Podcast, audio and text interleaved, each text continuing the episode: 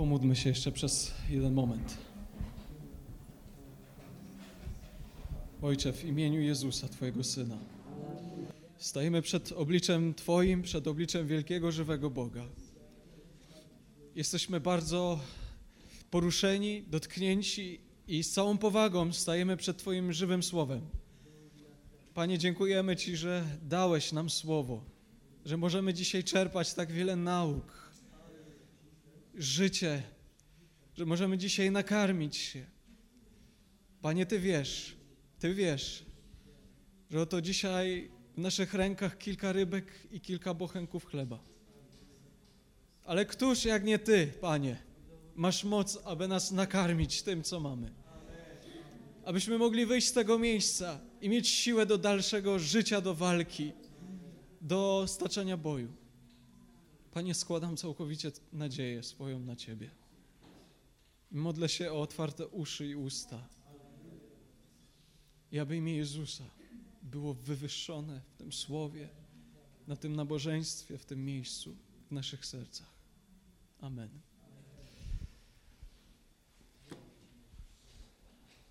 Ogromny to jest dla mnie przywilej móc stanąć po raz kolejny na tym miejscu w zborze w Chodzieży, z którym łączę tak wiele różnych drogocennych dla mnie wspomnień w mojej służbie, w moim duchowym życiu.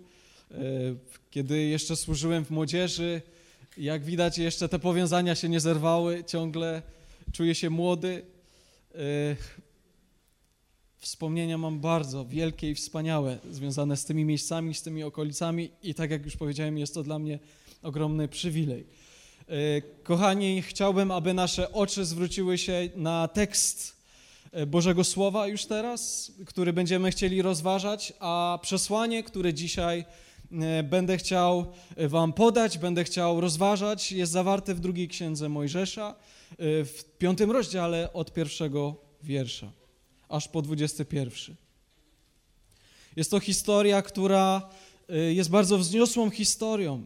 Wiele treści ma w sobie, ale pozwólcie, że ja przeczytam ją tak dla szerszego kontekstu i będziemy chcieli zanurzyć się w tym tekście i rozważyć go. Czytam z nowego przekładu, z ewangelicznego przekładu. Potem Mojżesz i Aaron przyszli i oznajmili faraonowi: Tak mówi Pan Bóg Izraela. Wypuść mój lud, aby odbył na pustyni święto ku mojej czci. Faraon jednak powiedział: A kim jest Pan, bym miał być posłuszny jego rozkazom i wypuścić Izraela? Pana nie znam, a Izraela nie wypuszczę. Bóg Hebrajczyków spotkał się z nami, mówili dalej. Dlatego chcielibyśmy udać się w trzydniową drogę na pustynię i złożyć ofiarę Panu, naszemu Bogu aby nas nie dotknął zarazą albo mieczem. Król Egiptu zapytał, dlaczego Mojżeszu i Aaronie chcecie lud odrywać od dzieła? Marsz do jarzma. I dodał, akurat teraz, gdy ten motłoch jest tak liczny, wy mu chcecie robić przerwę od przymusowych robót.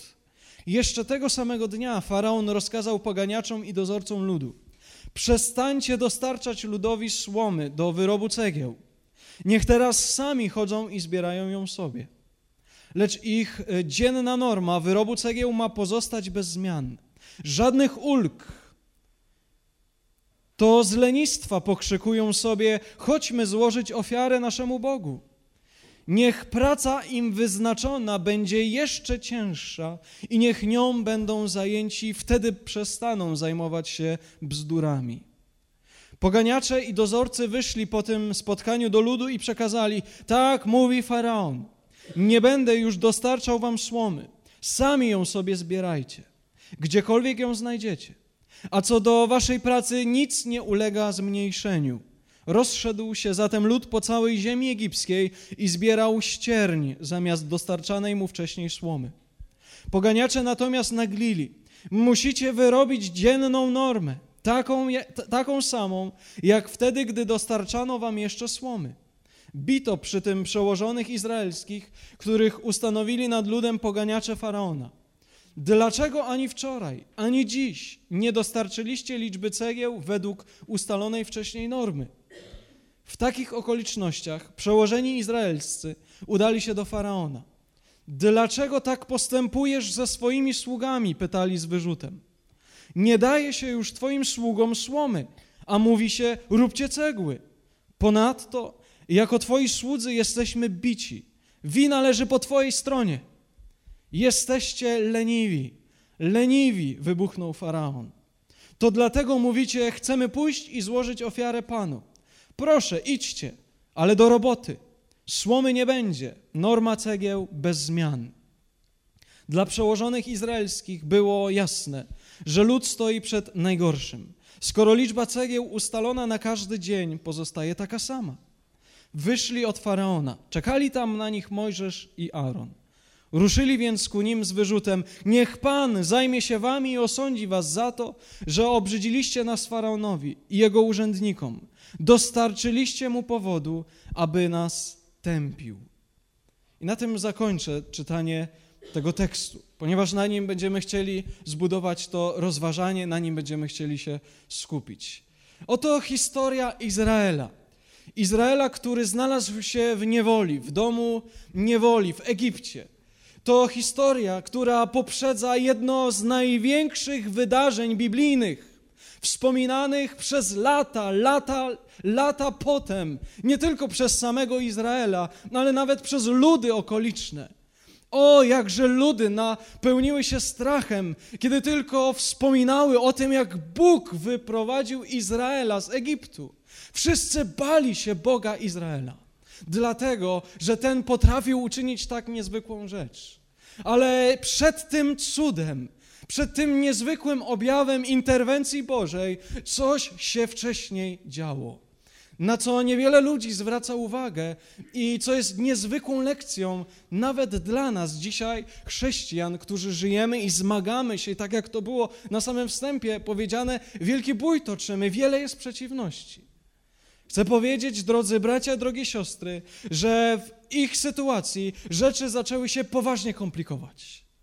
Bardzo poważnie komplikować, aż byli zdolni powiedzieć, iż stanęli przed najgorszym. Do tego momentu wszystko było jeszcze jako tako, chociaż lud bardzo narzekał.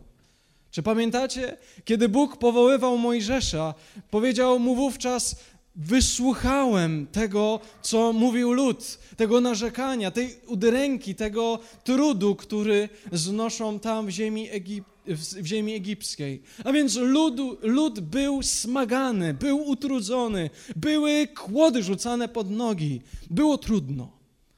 Ale rzeczy zaczęły się jeszcze bardziej komplikować. Tak to już jest, że najbardziej strategiczne i wzniosłe wydarzenia w Twoim i w moim życiu zaczną się wtedy dziać. Albo inaczej powiem, że najbardziej strategiczne i wzniosłe wydarzenia w Twoim życiu będą miały miejsce wtedy, kiedy wcześniej zaczną się rzeczy komplikować. Kiedy zacznie się coś dziać. Kiedy w tym bezpiecznym Twoim otoczeniu nagle, jak szczupak do stawu, coś zostanie wpuszczone i zacznie się coś mącić. Kochani, wszyscy dobrze wiemy, że płaszczyzną i polem do Bożego działania, do Bożych interwencji, do świadectw jest kłopot, jest trud, jest komplikacja, jest utrapienie, udręka. Jest coś, co nazywamy często, a czego unikam, y, a słowa, którego unikam, to problem. Tak właśnie się dzieje. To jest właśnie miejsce. Zresztą Bóg sam powiedział wyraźnie: Będziesz wzywał mnie w dniu niedoli. Ja Cię wysłucham, a Ty mnie uwielbisz. Dlaczego? Bo będziesz miał powód, aby mnie wielbić. Prawdziwe wielbienie Boga, drodzy bracia, to jest uwielbienie, kiedy człowiek ma powód, żeby stanąć i w pełnej świadomości nie prześpiewać tylko jakiś refren mimowolnie, ale z powodem w sercu wielbić Boga. Dlatego, że mnie zbawił, dlatego, że mnie wyratował, dlatego, że mi pomógł wczoraj, dlatego, że mi dzisiaj wsparł swoją mocą. Tak powinno się wielbić w kościele. Świadomie, z pełną pasją, z pełnym zaangażowaniem. Tekst ten mówi o wielu rzeczach, ale ja chciałbym zwrócić uwagę na coś bardzo wzniosłego. Szczególnie w dzisiejszych czasach, w czasach wielkiej gonitwy za pracą, pieniędzmi, za, y, za dostatkiem, chcę zwrócić naszą uwagę na werset dziewiąty tego tekstu. Mówi faraon: Niech praca im wyznaczona będzie jeszcze cięższa i niech nią będą zajęci. Wtedy przestaną zajmować się bzdurami. Zwróciłem na ten tekst jakiś czas temu taką baczną uwagę, na ten werset. I muszę y, poczynić pewne staranie, pewne wyjaśnienie, aby pomóc sobie i nam w rozważeniu tego tekstu. Musimy skupić się przez chwilkę na tym, kim był faraon. Kim był ten człowiek, a raczej za kto za nim stał, albo z kim możemy utożsamić jego działanie, jego, jego myśli, jego słowa, do kogo jest podobny, z kim i my toczymy bój w życiu duchowym. Kim był faraon?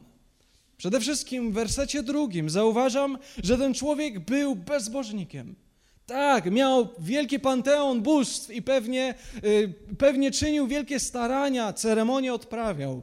Ale werset drugi mówi coś bardzo wyjątkowego. Kim jest Bóg, mówi faraon, żeby miał go słuchać. Kim jest ten Bóg? Nie znam Boga. A więc czytamy w tym drugim wersecie, iż ten człowiek, faraon, nie miał pojęcia, kim jest Bóg, nie miał relacji z Bogiem, nie miał społeczności z Bogiem, był duchowo martwy. Był bezbożnikiem.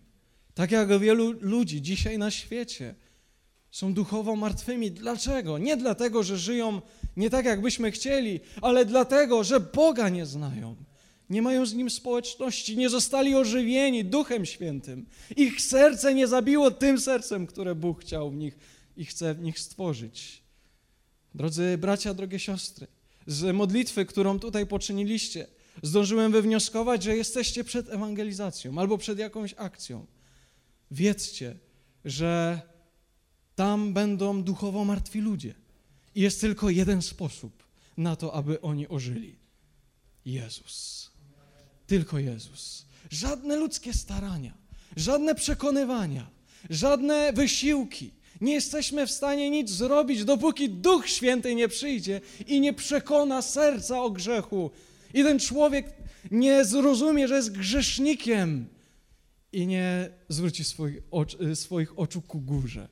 Tak, tego oczekujemy i z pewnością tego oczekujecie i wy. Faraon był człowiekiem, który nie miał społeczności z Bogiem. I to jest ciekawe, co jest tu napisane. Bo faraon wypowiada słowa, na które już dawno zwróciłem uwagę. Faraon mówi: Nie znam Boga, więc Izraela nie wypuszczę. Nie wiem, kim jest Bóg, więc dlaczego mam go słuchać? I to jest ciekawa myśl. Dopóki człowiek nie zna Boga, nie ma z nim społeczności, nie jest blisko niego tak, żeby móc powiedzieć: Znam Boga, nie jest w stanie wykonywać jego woli nie jest w stanie rozpoznać Jego czasu nawiedzenia, nie jest w stanie rozpoznać Jego planów, rozeznać Jego działania, jeśli nie zna Boga. Faraon nie był w stanie. Gdyby znał Boga, wiedziałby, że Bóg jest zainteresowany wyprowadzeniem Izraela z Egiptu, ale skoro faraon nie znał Boga, myślał, że jest to jakiś kaprys ludu. Nie był w stanie y, jakby przylepić czy przyporządkować tego wspaniałego wydarzenia, e, wydarzenia Bogu Wszechmogącemu. Nie był w stanie. Dlaczego? Bo nie znał Boga. Drodzy, przypomina mi się pewien fragment, jeden z najtragiczniejszych fragmentów Nowego Testamentu. Kiedyś Pan Jezus stanął nad Jerozolimą, zapłakał i powiedział pewne zdanie. Nie rozpoznałeś czasu nawiedzenia swego. Dlaczego nie rozpoznali czasu nawiedzenia swego? Dlatego, że nie znali Boga. To jest ciekawe. Ci, który, którzy zdawałoby się byli najbliżej Boga, nie znali Go i Pan Jezus wielokrotnie o tym mówił, mówiąc ojcem, ojcem waszym nie jest Bóg. No to były bardzo ciężkie słowa dla nich, skoro w ich mniemaniu wszystko, co robili, czy kładli się, czy spali, było skoncentrowane, na Bogu. A tu takie słowa. Jednak fakt jest faktem. Gdybyście znali Ojca, poznalibyście i mnie, mówił dalej Pan Jezus. Kochani, myślę, że ten temat, choć jest innym, pobocznym tematem, jest bardzo ważny, bo z historii przebudzeń na całym świecie. Ostatnio czytałem bardzo wspaniałą książkę, Wielkie Przebudzenia historie przebudzeń. Były społeczności, które wydawałoby się były blisko Boga, ale kiedy przyszedł w końcu Pan Bóg i spra sprawiał przebudzeniu, wiele ludzi nie było w stanie tego rozpoznać. Dlaczego? Bo być może zbudowali sobie swoją religijność, swoje chrześcijaństwo, swoje własne, swoje własne mniemanie o Bogu. A to, czego było trzeba, to być blisko Niego i znać Go słuchać tego, co on czyni i rozpoznawać jego wolę. Faraon tego nie robił. Wiemy też z lektury Bożego Słowa, że Bóg zatwardził jego serce tak, że był faraon oporny. Dlatego, że Bóg chciał okazać na nim swoją chwałę. Bóg, inaczej powiem, stał się przeciwnikiem Bożej woli. A więc, a więc stał się przeciwnikiem Bożych zamysłów, Bożego działania. Czy wiecie, dokąd zmierzam? Jest podobny do diabła, szatana. A więc można powiedzieć, że ten faraon ówczesnego świata jest tym samym faraonem dzisiejszego ówczesnego świata, który siedzi, jakby siedzi i ma władzę nad światem, tym zgubionym światem. Mówię o diable, o szatanie. A więc miejmy to w pamięci, kiedy będziemy mówić o faraonie. Dlatego o tym mówię, ponieważ to, co odkrywa przed nami faraon, sprawia, że możemy być bardziej wyposażeni, zrozumieć jego taktykę, jego strategię działania, jego pociski, które, które wystrzeliwane są w niejednowierzące serce. I na tym tekście dzisiaj chciałbym, żebyśmy się skupili bo w ten sposób zrozumiemy, co dzisiaj diabeł czyni i jakie, jakie spustoszenie czyni w młodych, szczególnie młodych wierzących ludziach, a co sprawia, że ich oczy odwracają się od Boga, od społeczności z Nim, od poświęcenia, a zwracają się ku pracy, pieniądzom, ku utracie czasu, straty czasu i tak dalej. Zwróćmy na to uwagę. Y, kochani, tekst, który przeczytałem, szczególnie ten dziewiąty werset. Niech praca im wyznaczona będzie jeszcze cięższa i niech, będą niech nią będą zajęci, wtedy przestaną zajmować się bzdurami. Zauważmy, o czym mówi faraon. Kiedy pierwszy raz przeczytałem ten tekst po jakimś czasie i na nim się skupiłem, pomyślałem sobie, ha, dla diabła społeczność z Bogiem, modlitwa, poświęcenie, służba, ofiara Bogu to jest bzdura. Ale później sobie pomyślałem, nieco dłużej spędzając czas nad tym tekstem, dałem się wprowadzić w pułapkę, bo to nie jest tak. Y, to jest zupełnie odwrotnie. Diabeł wie, jaka jest moc i potęga modlitwy, prawdziwej, duchowej, pełnej poświęceń służby oraz pokornego i bezkompromisowego rozważania Bożego Słowa. On to doskonale wie.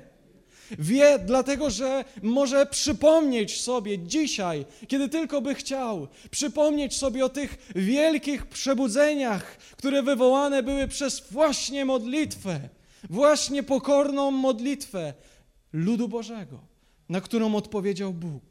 Wie diabeł, że wystarczy jedna osoba, która skłoni się przed Bogiem, która zostanie napełniona Bożym Duchem i całe narody mogą przyjść do Boga. Wie, skąd o tym wiem? Bo już nieraz to oglądał. Kiedy Walia, Szkocja, Anglia, bliskie tutaj Niemcy i jeszcze inne miejsca na świecie stawały w ogniu prawdziwego duchowego poruszenia, przebudzenia, kiedy ludzie, grzesznicy się nawracali, bo o tym mówię, nie mówię o jakichś ekscesach, mówię o tym, kiedy grzesznik się nawraca, kiedy pokutuje, kiedy nagle, nie wiadomo skąd przychodzi świadomość grzechu, której tak dzisiaj brakuje wielu, wielu, wielu ludziom. Świadomość grzechu. I diabeł wie, jaka jest moc i potęga modlitwy prawdziwej, duchowej, pełnej poświęceń służby, tak jak już powiedziałem, oraz pokornego rozważania Bożego Słowa. Dlatego rozumiem, że choć On wie, jaka jest tego moc, chce, abyś to Ty myślał, że to jest bzdura. Właśnie to chce uczynić diabeł w sercach i w umysłach wielu, wielu ludzi, szczególnie dzisiaj młodych, naszego, mojego pokolenia. Abyś myślał, że to bzdura, którą nie warto się zajmować. Skąd o tym wiem i dlaczego z taką śmiałością mogę o tym mówić? Dlatego, że widzę, iż ten najnowocześniejszy trend chrześcijański przedstawia, wy, przedstawia tak zwane chrześcijaństwo bez modlitwy. Bez modlitwy Kościoła na wspólnych zgromadzeniach, bez wspólnej modlitwy zastąpionej muzyką i tylko muzyką, bez modlitwy w komorze, bez prawdziwej, pełnej poświęceń i czasem cierpienia służby, bez takiej społeczności ze Słowem Bożym. To jest ten nowoczesny trend. Ja to obserwuję, mam oczy bardzo szeroko otwarte. I dlatego o tym dzisiaj mówię. Kochani, jakie są więc zabiegi y, diabła, szatana, aby wytrącić z Twojego życia duchowość? Czytamy w liście do Koryntian, w drugim liście do Koryntian, drugim rozdziale, jedenastym wierszu, że intrygi diabła są nam dobrze znane. To nie jest tak, drodzy bracia, drogie siostry, że chodzimy po tym świecie jakby po macku, nie wiedząc dokąd zmierzamy nie wiedząc, czy to diabeł, czy to Bóg się nam objawił, czy to diabeł, czy Bóg to sprawiał. Nie. Słowo Boże okazuje się nam pokazywać inną prawdę, iż owce Pana Jezusa znają Jego głos. I wiedzą, kiedy przychodzi Pan Bóg, wiedzą też, kiedy strzela wróg. Powinno to być naszym staraniem, aby być blisko Boga, aby mieć tą wrażliwość, bez ustanku. Uważam, że to człowiek w świecie ma problem tego typu. Że kiedy przychodzi Bóg, oni mówią diabeł, a kiedy przychodzi diabeł, oni mówią Bóg. Tak, dlaczego człowiek w świecie ma z tym problem? Ponieważ patrzy oczyma upadłego człowieka, nieodrodzonego, nieożywionego. Jego serce jest sercem kamiennym Taki jest człowiek w świecie. Ale nie taki jest człowiek, który poszedł za Jezusem, który uwierzył w Jezusa. Jego serce jest sercem mięsistym, jego duch jest żywy, jego społeczność z Bogiem jest prawdziwa. Więc nie powinien mieć z tego typu problemu. Kiedy patrzymy na e, e, tą, ten oto tekst, który czytałem wcześniej, zauważam kilka, kilka intryg, które chciałbym dzisiaj Wam przedstawić. Po pierwsze, diabeł chce sprawić ci absorbującą pracę niczym jarzmo. Dlatego, że w tym tekście czytam o tym, co zrobił faraon z tą pracą, która już była ciężka i trudna, wpadł na pomysł, jak wyrzucić z umysłu tych ludzi, którzy nagle doświadczają jakiegoś rodzaju poruszenia duchowego i chcą coś ze swoim życiem zrobić dobrego, co trzeba zrobić, aby to zatrzymać? Obciążyć ich jeszcze bardziej, dać im jeszcze ciężejszą pracę. Jeszcze więcej czasu być może trzeba im y, zagospodarować pracą, aby nią byli zajęci, tak jak mówi faraon, aby się nie zajmowali w, ich mnie, w jego mniemaniu bzdurami. A więc y, to chce zrobić y, diabeł i dzisiaj. Drodzy bracia, drogie siostry, wszyscy wiemy, że wymagania w świecie rosną ciągle. Ja pracuję w bardzo wymagającym przemyśle, bo motoryzacyjnym. I widzę to na własne oczy. Z roku na rok wymagania bardzo wzrastają, e, szczególnie jeśli chodzi o, e, o produkcję aut, samochodów, pojazdów. Wymagania stale rosną, a oszczędność i doskonalenie zyskało status strategii numer jeden dla przedsiębiorstw. A więc oszczędność i doskonalenie. Ale co z tego, jeśli się to chce robić tą samą siłą roboczą albo tą, tymi samymi zasobami?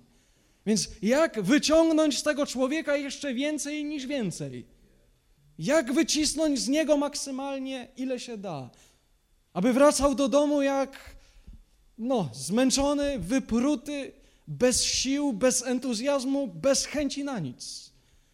Jak to zrobić? No właśnie, obciążyć go jeszcze bardziej w pracy. Przybywa pracy, przybywa obowiązków, a odpowiedzialność zamiast się rozkładać na więcej osób, czasem spoczywa jeszcze na mniejszej liczbie osób, albo czasem nawet na jednej.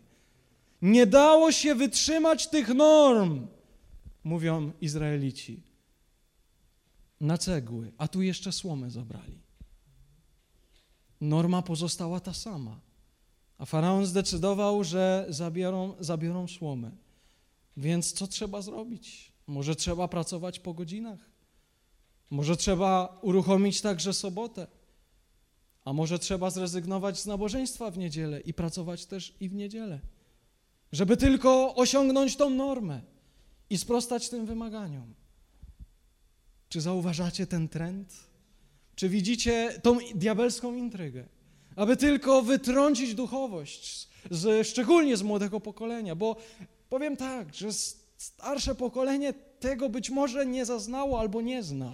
I być może dzisiaj dziwimy się, co się dzieje z nami, młodymi ludźmi. Latamy, biegamy, gonimy jakby za wiatrem. Brak czasu, nie ma na nic czasu. Jeden z przekładów biblijnych mówi tak, cytując Księgę Daniela: Będą latać tu i tam. Latać tu i tam, jeden z przekładów mówi. Gonić tu i tam.